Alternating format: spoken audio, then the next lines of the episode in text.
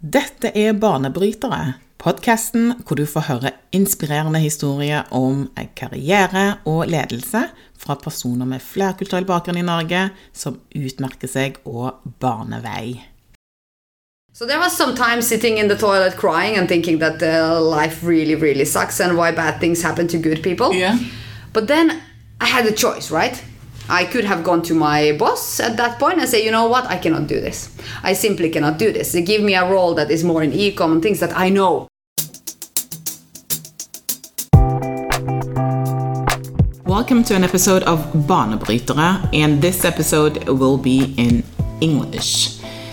I'm happy to have uh, Julia Paulson with me today. She is the director of e-commerce and Nordics at Elkjøp and is the ultimate tech and data enthusiast. She's an author, digital expert, E24 leadership talent, and also advisory board member at ODA Women in Tech. She has had many leadership and management positions in major companies like Telenor, DNB, and Zalando.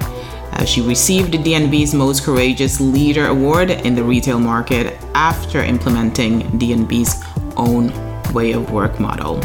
She holds a master's degree in international business management from Kingston University.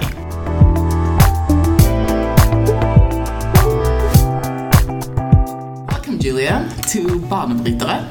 Thank you, Claudia. It's a pleasure to be here. I've been looking forward to having this conversation with you, and I am so ready to just pick your brain and figure out all kinds of stuff about you today. Let's just get started. Yeah. Yes. And of course, we are doing this in English because we want to show the diversity in flerkulturell Norge, right? Yes, yes. So this is part of the whole gang. Yes, it's a good excuse also to not uh, get my horrid uh, Finnish Norwegian on tape. So very good. Your excuse was better than mine, so we continue there. But Julia, you, I mean, the role that you have right now as director for e-commerce, when did you start? I have started just March this year. March this so very very Just have survived my six months. Yeah. and they want to keep me. So that's very good. They want to keep that's you. A, that's a good start, I would say. That's a good sign. Yes. Yeah. How has it been so far then? It has been very hectic, but uh, you know, some people love when you don't have uh, predictable days and when things are up in the air and you have to balance quite many things at the same time. So this is definitely that environment. And I think with Elkjøp, what is very special is that everyone is very, you know, performance driven and people have ownership on what they do and passion. So everyone wants to go that extra mile. And that is fantastic. I actually i'm very impressed by the culture and him so everyone is working their ass off and having fun at the same time. So for a leader this is just dream come true. You just must uh, not use and abuse that position you have because uh, people are already there doing their extra work. So it's uh, i really love it.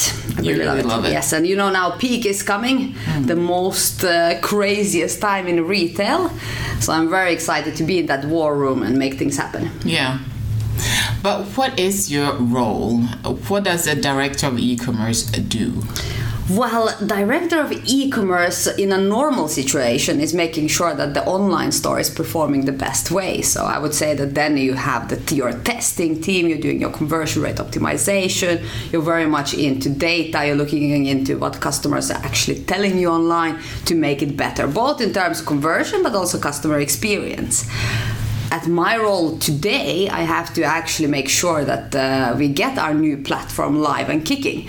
So we have a quite crazy situation going on because we are doing big development. We are going to next generation retail. So we are launching a new platform. So this peak we have our old platform. Intershop, very exciting uh, little uh, knowledge uh, on e-com sites, uh, and we have also launched a new platform, completely new technology in Denmark. Wow. So it's uh, both managing that timeline to get then all the countries both through the peak Yeah. in these two platforms and at the same time getting everyone ready to go over to the new platform in February. Wow. So at the moment I'm not doing a traditional e-commerce uh, manager role. Yeah. But I'm kind of having two hats and managing both the daily business whilst trying to get us to the future. Wow. So it's a very exciting times, but luckily I have a great team uh, in the Elkjøp Ecom. So no, almost 50 people working on e-commerce present in the project. So we are well equipped to handle this challenge. Well, it sounds really, really cool. So I, um, I'm guessing that you have your hands full at the moment. Yes, I cannot complain. I cannot, cannot complain. And. I think what is also exciting is that you learn every day. Mm. And that is very good. It's very good to be in position where you actually realize that, oh God, Yeah. I didn't know this before. This is fantastic. So, uh, Julia, you uh, strike me as a uh, very headstrong individual. You are unafraid, you're bold, and uh, you power through, and you do not take no for an answer. What comes to your mind when I say that? I think the main uh, thing with having that mental attitude is that you always speak your mind when you know you actually are right. You know, sometimes, especially when it's kind of politically charged uh, landscape, it can be very difficult for you to actually stand for the team, the people on the floor, the ones who are actually doing the job, and have a clear overview what is the right next step. For example, in a project, it can be very difficult for people to actually then stand up and uh, say to against the common opinion and go and say no no no this is actually not the way- right way to go to be there and uh, say that no i do not agree and why? And i think as long as you know your facts you have data backing you up you should always speak up and you should never be silenced. I don't like this. I don't have any fear of my own position. So to me it's uh, i don't really care if by speaking the truth i will harm my possibilities to move ahead in that company, then clearly that's not the right company to be in in the first place. So kind of you have this attitude that you know you don't care about your own power game and you don't care about uh, where you will end up uh, in some politically correct way uh, in the future and from the manager's eyes. You actually start making things happen. Yeah. It's actually that simple. You have to just get rid of the fear and start thinking more like this the common good. And they're quite solid. Yeah.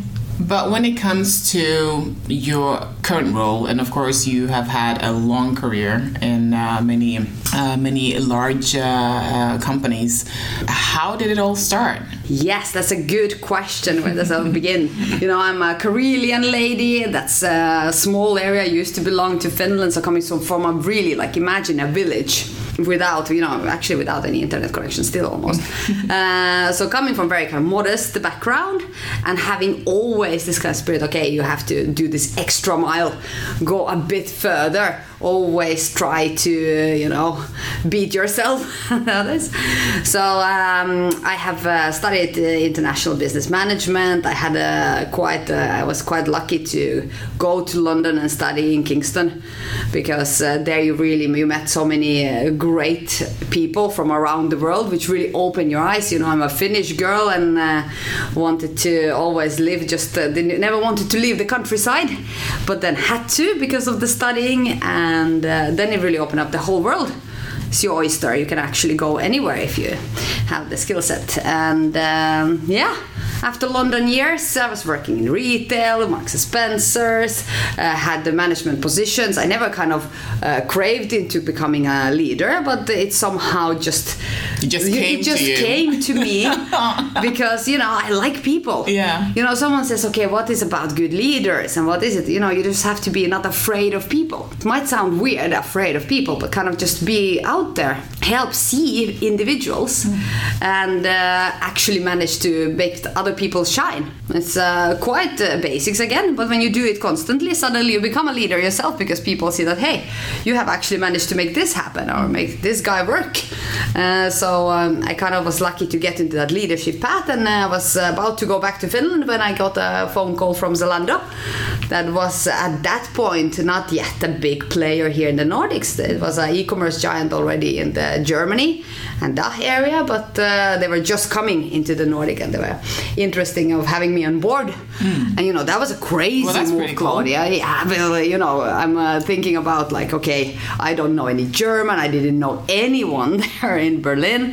Uh, having to move to Berlin, and actually, it's a funny story. I thought that the head office or where I would be working was in Helsinki, Yeah. which was my basically the hometown for studying, and uh, I was very eager to go back. So I was like, yes, yes, I'm super interested into hearing more. And then in the interview, which was in Berlin, but I thought, okay, that's the German head office Yes, yes. everything was going good fantastic what a company what a culture And then they say, What do you feel about moving to Berlin? I was like, oh my god, I didn't know it was in Berlin. So then I had to just in five seconds decide what do I feel about moving to Berlin. And I said, yes, it sounds fantastic. Looks like a perfect city to spend. the But did you know anybody in Berlin? no, not at all. And of course, my friends they were saying, "Are you crazy to just jump there? Isn't it much nicer to come back to Finland?" And of course, it would have been nicer. But it's like my dad said, you know, Julia, you're not 40. You don't have to have yet this eh, from eight to four job.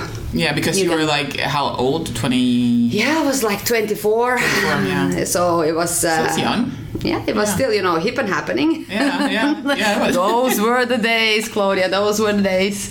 No, but it was exactly that kind of moment where you could have gone back and taken a very safe job because, again, startup, uh, jumping into the train of startup, uh, it can go both ways. But that was one of the best decisions I have ever made because in Zalando, you know, they were internet first. They worked in completely different way than I'm used to. They were agile from get go. They didn't have to use any of the buzzwords because they were actually they were it. Yeah. We had click chain already in 2012. I knew exactly what the customers were doing online, what they were clicking, how we're going to make them come back. We're testing everything, absolutely cool. everything. So not only I learned more about you know branding, I was uh, bringing the Zalando brand into the Nordics. Had fantastic team to work with, but I also learned everything how to run an e-com store. Yeah. And that has been, you know, lifelong learning. So even if uh, one has, uh, you know, if Zalando would have been a failure, still those years in Zalando would have been worth more than some of the years in education. Yeah, exactly. Yeah. So it was really on the job training. Exactly. Yeah. Exactly. Because no one had worked like this. Yeah. Right? When we moved, everyone moved to Berlin, and we from the get go we had to start understanding data. You had to become quite quickly data literate. The teams, you know, you were managing team of experts. Hmm. You could not be a micromanagement, in, uh, do any kind of micromanagement in that environment. Hmm. Everyone knew their shit, and you know, in Zalando it was kind of like the experts did the decisions. So it wasn't like uh, okay, you hire leaders to control these people. Yeah. No, you hire leaders who know also their shit Yeah. and can contribute to the team, can roll up their sleeves, Yeah. and can actually work together with the team. And that also really, you know, resonates well with me. So you cannot have a leader who is just there getting information from people or making sure that okay, people are doing the things that the management wants to do, but actually encourage them to think differently, make mistakes. In Zalando already in 2013, we were like talking very openly about all the failures, lost money. As long as there was learning, people were happy. Yeah. Oh, you did that. Oh, that didn't work. Okay, let's all remember we're not going to do that again. So at the same time, you know, normally we have this culture in Nordics, right? We are really uh, good in talking about positive things, which is good. You should celebrate success, of course. But at the same time, it's good to also talk about things that don't go well without kind of making it personal or making people embarrassed. Yeah. But more. Yeah, but I think that's also that that's very interesting actually. Um, but I guess that way of leading and managing a business, the fact that you know, um, yeah, you have the success stories, but you learn Exactly. more from the failures. So why not have a culture for failing, testing and failing? And that takes a lot from an organization to actually do, to actually build that culture. When you were in Zalando, what were some of the uh, challenges that you, you faced and how did you sort of uh, manage them? Because you were pretty new in that role. Yes. Um, and you also had a management position, right? Yes, Yeah. yes. I think from the get go, well, my personal manager challenge was that my team was actually not too happy to have manager coming from the outside. They had already a guy who they thought is going to be their leader. So obviously they were not too happy to have someone new stepping in, taking his role. I didn't know any of this, so I came there with my naive. Here I am. Let's make this work. and they were actively actually working against me, like trying to trying to give me wrong type of data, making sure that I actually uh, f- fail. Fail. They, they were sabotaging you. They were actually sabotaging me, and that sounds very bad. But I think it was a great uh, story in the end because uh, I had a, I had managed to, you know, prove to the other people in the team and also the management above me that I actually bring in value. Uh, and it's uh, that's one of my tips as well. Like find that mentor. I had a fantastic mentor in Zalando. He was our leader in the offline department, uh, department Martin Richter, who was just he was fantastic to both brainstorm and also protect us. So in this Mm-hmm. situation, when these things are going on, uh, the team was actually saying to him that you know it's either Julia goes or we go, Oh wow. and he was like goodbye. No, really. Yes. So uh, in the end, they both actually decided. Uh, the two ladies that were most towards, they decided to leave, and I could build a fantastic team from that moment on because uh, they had from the get-go decided that uh, they will not work with me. I could have not done anything, so they were not part of the team, not playing, uh, not, Not actually contributing. actually, yeah. exactly, Yeah. not contributing to the overall good. But it's actually a quite funny story because you know it could have ended very badly Hmm. and with a sour taste. But uh, afterwards, we have kind of talked this through, understood, and I have been actually a reference for one of the ladies there because she did do a great job. Yeah. So I think, but uh, just admitting that is not always easy. And as a new manager, I learned a lot from those years and that I could have done differently. Hmm. I think I just was taking for granted that okay, as a manager, I had to be in certain meetings, I had to be presenting, going out there, not spending so much time in nitty gritty details, actually helping the team. Hmm. And I learned a lot from that. So now I will not do that mistake. Yeah. So now for me, it's very important to stay operational, to know exactly what the team is doing, and if someone is sick, to be able to actually step in. And I would not have learned that if I hadn't had that tough school. Yeah. And also for Zalando overall, you know, it's a German company, right? And uh, we were at first we were all German in our colors, in our visualization, in our campaigns. If you saw Zalando 2012, yeah, it was loud and proud, but it wasn't really Nordic. And people were coming to our marketplace, they were buying from us, but they were not loving us. So we saw in brand health that you know people didn't really recognize Zalando as a Nordic brand, which in the long term obviously is not going to fly. People are not going to develop a relationship to a brand that they don't feel it's theirs. Some of them even were wondering, is it the Nordic people working there? Are you just using Google Translate? Yeah. It's pretty annoying because we had a Nordic team. Yeah. Uh, so then we actually had to go through a major transformation and to change the, how the teams were working and having an on-site that actually was different from German side. So we had the same technology, using the same data, all the benefits from having an organization like Zalando. But at the same time, we changed all the UX visualization that it looked like Nordics. So then uh, it's again, it's, uh, It's an exciting learning. journey. Yeah, the learning Yeah. curve. Moving uh, fast forward to uh, Norway. I mean, you were no foreigner to uh, moving to a new country, so you had already probably built a lot of skills in actually um, navigating. But when you got to Norway, how long have you lived in Norway? Was it seven years? Yes, seven years. now. Yes. What brought you to Norway, first of all? Well, to be honest with you, Claudia, I would like to say, oh, it was this fantastic working environment, but no, it's the Vikings, right? The Vikings still exist. They go to Europe, they get their woman, they drag you back, but uh, this time we have consent. You have So no funny business going on here. so I met my husband in Zalando, and uh, when it was time to really start thinking, okay, where are we going to settle down? So it's very boring. Where are we going to settle down? Uh, we decided that Norway and Oslo was actually the place where both of us could, you know, thrive. So, But what were the what were the challenges that you faced when you moved to Norway? Because you had to literally start from scratch, right? Yes. Yeah. And uh, luckily, you know, I'm from Finland, so that's a bit, we are very similar with Norwegians. So we kind of understood from the get go, and uh, that's one of my tip for everyone who comes into a new country. Not doesn't have to be Norway, but anywhere. You have to do the groundwork. You have to be the one who is uh, there saying hi and uh, asking how the weekend was and asking if you can come to that concert or that coffee or do you want to meet because everyone has the life in that country. Everyone has already their group of friends, their activities, and you're the newbie. And I can see that sometimes people they come to a country and they expect a lot. They expect that I'm going to get this. People will be interested in me. People will want to spend time with me, and we get very disappointed and say, "Oh, the Nordic people, we are so cold. We are not coming in because uh, no one has invited me anywhere. No one has really uh, shown me around, helped me to get, navigate my life uh, in Oslo." But uh, I'm coming from the attitude that you have to make it happen. Hmm. People have you have to make uh, them understand that hey, you actually are worthy of their time. Yeah. in a sense. So I, from the get go, I uh, started uh, building the network, and I understood that in Norway, even more so than in Finland, it's all about knowing the right people. Yeah. And uh, it's not just that you meet people and add them on LinkedIn, but actually building those connections, talking to people.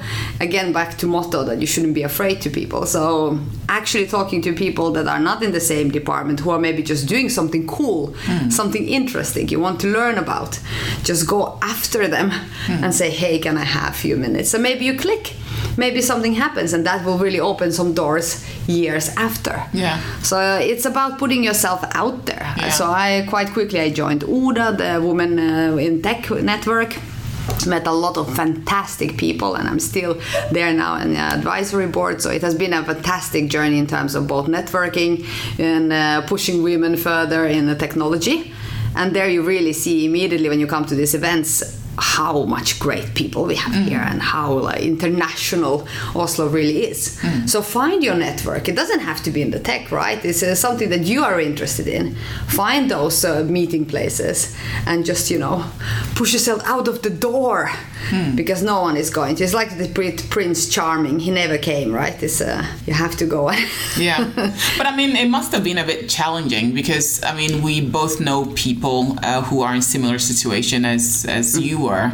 I mean, I don't have that experience. I came here when I was uh, I was very young, but we both know people uh, who really struggle to sort of uh, get to where you are and have that progression or advancement uh, when it comes to um, uh, you know the uh, professional path. Why do you think that you have managed to do so well? Yeah, I would like to say, of course, I'm working very hard, and but I've been also lucky. You know, I think there's uh, having this a bit of a humble approach to be interested in the culture, learning the culture, learning the language. Nevertheless, it's not only about you know skiing around and eating brown cheese here. Uh, it's actually about getting to know the people, and if you don't speak Norwegian, it's more difficult for people to express themselves. So then you never get through one type of barrier. Yeah, right? but Julia, we're speaking English now. I know, Yeah. I know, and I speak English at work, but at least Yeah. they can speak Norwegian to me, you know, and that's already fantastic because then they don't have to feel uncomfortable with me there. Mm-hmm. And I think uh, kind of just it's something about the people. I know it's. Uh, I really would like to give us a recipe to you, Claudia, and to everyone who is listening and maybe struggling at the moment. But uh, it really, for me, the key was that I connected to as many people as possible through all the events, and also in my work, try to always do not just hundred but hundred fifty percent. So kind of get involved, get enthusiastic, bring ideas, help people, and suddenly they move to different organization and they call you mm. and say, "Hey, we have this position. I remember how proactive you were and taking initiative and driving change. We really need someone like you here." And before you know it, you kind of being offered new opportunities. Because in the end, it is, I think in the Nordics, we are very like uh, uh, network and people dependent. Yes, you have a fair processes. You apply for a job, best candidate would win. But if you know someone, you might get that position before people are even thinking that okay, we should uh, potentially hire or have that position there. They just want to talk to you. So uh, my advice is to really get involved, learn the culture and language, and kind of uh, make sure that you are you are always topping your performance.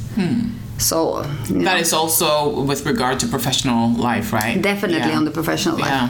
Because I have seen, like, uh, I'm a bit joking about it sometimes that, you know, if you invite people at meeting on Friday at 2 o'clock, you get lots of enemies because everyone is going to the cabin. And I didn't know that, obviously, you know, from Berlin, we were not going in the cabin. We were working on Friday as any day Yeah. until we went to the pub. Of course, uh, you know, uh, that was our way to relax before the weekend. but that happened in the evening. So my first months, you know, I was so confused people were not like even looking at me with angry eyes because I had been booking meetings on Friday and I didn't understand what On Friday, at what time? Yeah, like two o'clock. Oh I- my God. No, but to me that's the normal working hours. But then I realized, no, no, no, that is definitely you know the hytta, the cabin time, and uh, you should respect that. But you know, you don't know those nuances before you Yeah. you're you get there, and uh, So yeah. did you get a cabin yourself? Yes, I did, of course. And now, if someone books a meeting at two o'clock on Friday afternoon, I'm, I'm, uh, I'm just. I'm going to the cabin. I'm going to be angry. No, but it's just something about this working culture. Also, like uh, Norwegians like work-life balance, and I think that is actually good. But then it gives you advantage if you're coming and you have ambitions, you're hungry. I think there's something about being hungry, Claudia, that really makes you uh, get to that last mile a bit faster. Because if you are hungry, you will always do a bit extra. You will always do a bit more than expected from you and then people will reward you for that. Hmm. Because they, you, they will get noticed. And this is nothing about you know crashing other people on the way. It's just about you showing that hey you really bring these fo- things forward. So be hungry. Be hungry. yeah. What are some of the challenges that you've faced along the way during your career? I think the well the biggest uh, challenge I had after those ladies in Zalando, I was also very lucky to have a very interesting position at uh, Telenor. When I started there, I was uh, appointed as a product owner uh, for Offer API as my first job. So first day in Telenor, Claudia, there I am. I'm shipped on the plane to Mobile World Conference in Barcelona. Fantastic! I meet in the plane the tech lead for this offer API that we're going to build together. You know what's my only problem? I do not know what API even stands for. So there I am with this guy who obviously knows I'm fucking idiot. I have no idea what I'm talking about. I'm shipped to a meeting with YouTube, Telenor, all our great partners in Barcelona, and geez, I understand that this is much more complex than I thought. Uh, obviously, uh, after a few months working together, the guys are getting very frustrated with me because a I'm not uh, at that point I'm not a tech expert. I wasn't. I had never been leading tech team, working with techies. I didn't know what I was doing, and of course I just tried to survive. Right? I have always this yes attitude that okay we're going to try to survive, and I got hit hard. Yeah. Like they were brutal, you know, they are experts and they were not getting from me what they were supposed to get from product owner. Yeah. So there was some time sitting in the toilet crying and thinking that uh, life really, really sucks and why bad things happen to good people. Yeah. But then I had a choice, right? I could have gone to my boss at that point and say, you know what, I cannot do this. I simply cannot do this. They give me a role that is more in e-com and things that I know. Go back to my comfort zone. What, why am I here? But then I realized, okay, I'm going to try one last time. And you know what I did? I asked these tech guys, okay, what do you need from me? Teach me. Teach me how the API works. Teach me how you're actually, uh, how you're doing. What do you need from product owner? And they did. We went to the whiteboard. They showed me how the sprints are done. They showed me how the solution we build is working. They showed me how you actually how can I contribute. So since then I understood that my role was be, you know, both keep all the strings in one hand, make sure that they're protected so they can work in peace, be the coordinator between the U- US and uh, Thailand and Malaysia where we build this product, present and also make sure that we are UX, all the things that I actually knew does Google Analytics or the contracts I can bring to the table. And you know, now we are very good friends. We call each other three musketeers, Yeah. the main dudes. And we actually survived through it. And thank God they still had faith in me, that they gave me that last chance to really prove myself. So again, I learned a lot. I understood how to run tech products after that. And I also understood that sometimes when you don't know, just ask. But No one is perfect, right? And you don't have to pretend to know everything.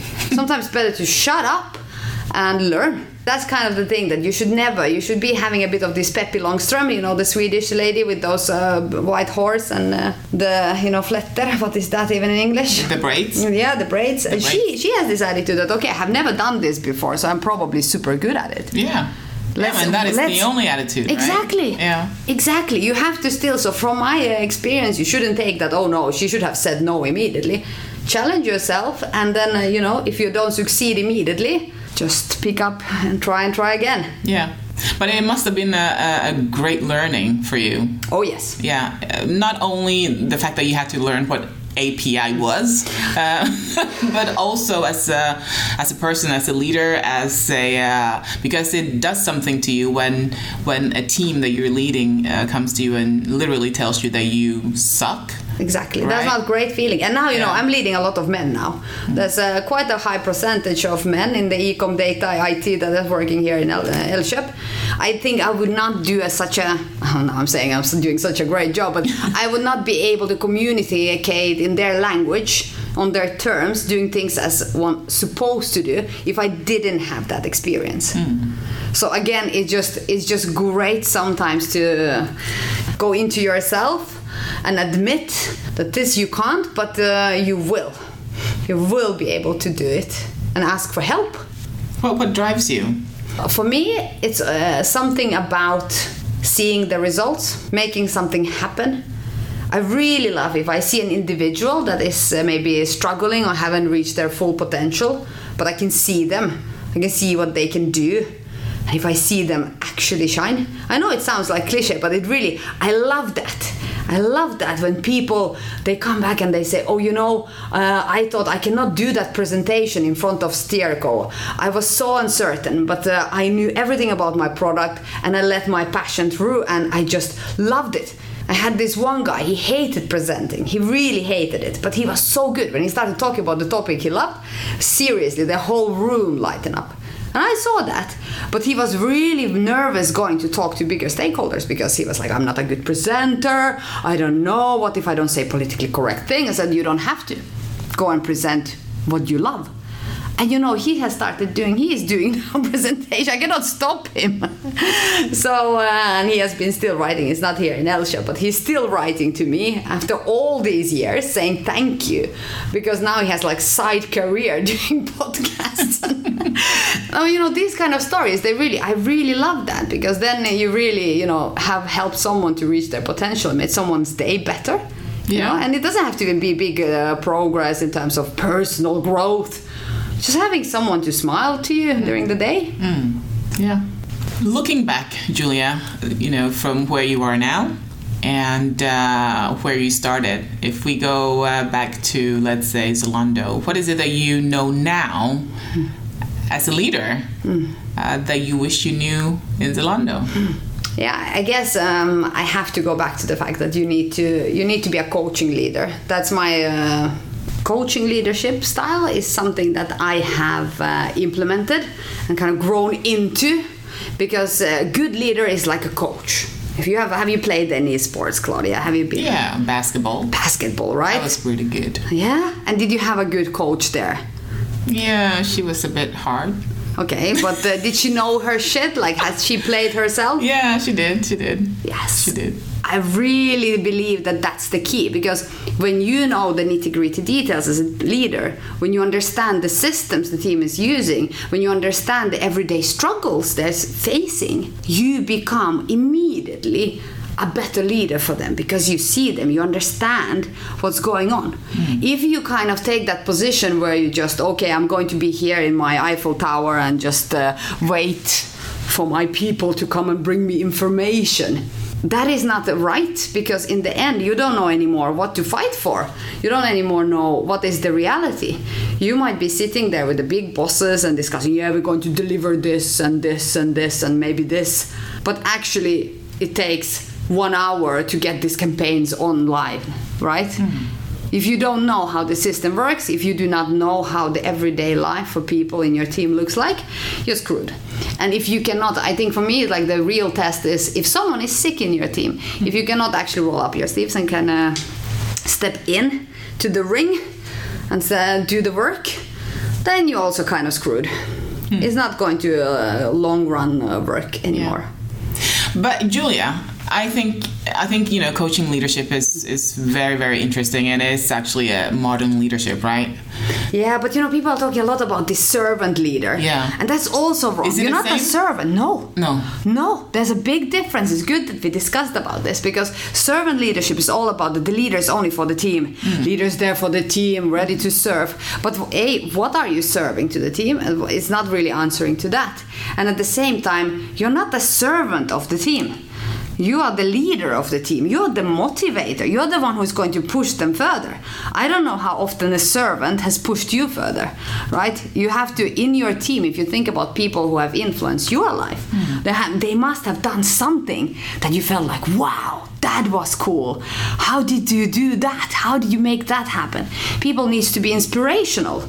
So as a servant leader, yeah, it's great that you are there for the team. But coaching leadership takes it further. People need to look up to you, and they're not looking up to you just because you have this title. They're looking up to you because you know your shit. You have been in the war, you have fought, and you know what you're talking about, and you have achieved something. Well, that's a very interesting take on it because I've never actually thought of it that way. So it's uh, yeah, it's interesting, and you practice this Yes. religiously. religiously. Religiously because i see that both it works and it's also like a coach you know. We are cursing with my team. We're using a lot of humor. We are talking you know like in the locker room talk. And that's also very good. It's very good to be able to be human and not make this that the leaders are kind of distant also in terms of language or sitting somewhere out there that you have to change what you're talking about when the leader enters the room. No no. You are exactly you are ac- you're equals you're in the same team playing the same fight. There's uh, no one should uh, treat you differently but at the same time you have the respect. And when you say something that actually counts where now okay now we really have to this is going to be the move you have to make. And sometimes you have to be tough. As any coach sometimes you have to make those tough decisions. And then people have to actually they need to follow you Yeah, but but then aren't you at a risk when you know your shit, right? Um, aren't you at a huge risk of being a micromanager? Yeah, I am, and that's why you have to fight. You have to fight that as well. Yeah. Because, for example, I'm very passionate about conversion rate optimization, our testing team. I love it, and uh, I didn't have a CRO manager from the get-go, so I kind of uh, I was responsible for taking the team in and start doing the testing myself. And then the fantastic lady came who took over the CRO manager role in my team. Yeah. And I saw that it was very difficult for me to both a trust her to just take over the team, the communication, even telling about the results, but I just had to do it. I just had to do it, and I felt it was difficult because I said maybe you should have said about this, and maybe you shouldn't highlight this result yet. Just wait one more week. But no, you have to stop yourself. You have to know your weaknesses as well. Yeah, and your weakness is a little bit of micromanage. No, I think I just uh, it's not really because I don't really have time to micromanage. but if I have passion for certain things, right? You get very enthusiastic. So then you meddle even though you shouldn't. Hmm. But just because you get so like yeah, Excited. excited. And you want to contribute. Yes. You want to play. Yes, and you know sometimes also that's the problem that as a leader you don't have so much playtime. Coach is not on the field, right? Maybe you're in the practice round, but when it counts, like now in the peak time, is the team who's out there. Hmm. And it can be very difficult for you who has been playing so many years yourself. Yeah. And then you have to just enjoy the game and be able to be there to contribute when you can. So it's um, it's a balance. It's a balance. Mm. What is your next step? Next step is a survive the peak. That's important. Number one? Number one, and uh, I really I'm looking forward to seeing where the journey in Elkjøp will take me because uh, we have now quite exciting times in terms of both developing the team, developing our systems, uh, and actually uh, I have been quite bad in uh, terms of staying too long uh, in one company. I'm always, you know, moving. When things are getting that I feel I know everything, I almost have to move forward. Yeah, because you you have like two years, two years span on some. Yeah, kind of almost like. I think my uh, golden number is two and uh, two years and eight months, so almost three years. Yeah. and then things are happening. Yeah. and I really I want to break from that. I Mm-hmm. really want to actually see you know the end like actually kind of uh, push myself through that period Yeah. where you start feeling that restlessness because you feel like oh i could contribute more i need to learn more and uh, I feel that now I'm actually in a company that does challenge you in a right way, so you can actually think more than three years.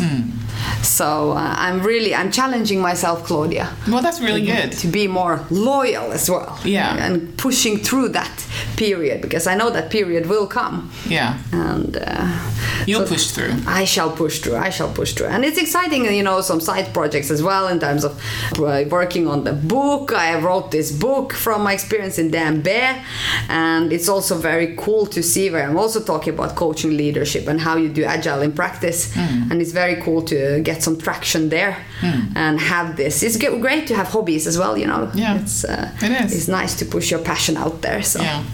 Well, I'm really looking forward to following your journey and can't wait to see what you accomplish next. Thank you, thank you, and all the and for all the listeners out there, I think the main point is to keep your you know keep your humor in it.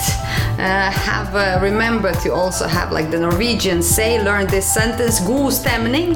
I learned it from the guest go that you have to have god stemning, which means basically very fun times. Mm. but there's something special with Norwegian way to do it because Norway is a great place to live and full with fantastic people, but you just need to dig a bit deeper and be a bit more aggressive and willing Yeah, to it push takes longer. It takes longer time, but when you get there, oh, It's the sweet spot. it's the sweet spot. Loyal, trustworthy, good people. Yeah. Yes. Julia, thank you for the chat. Thank you so much, Claudia.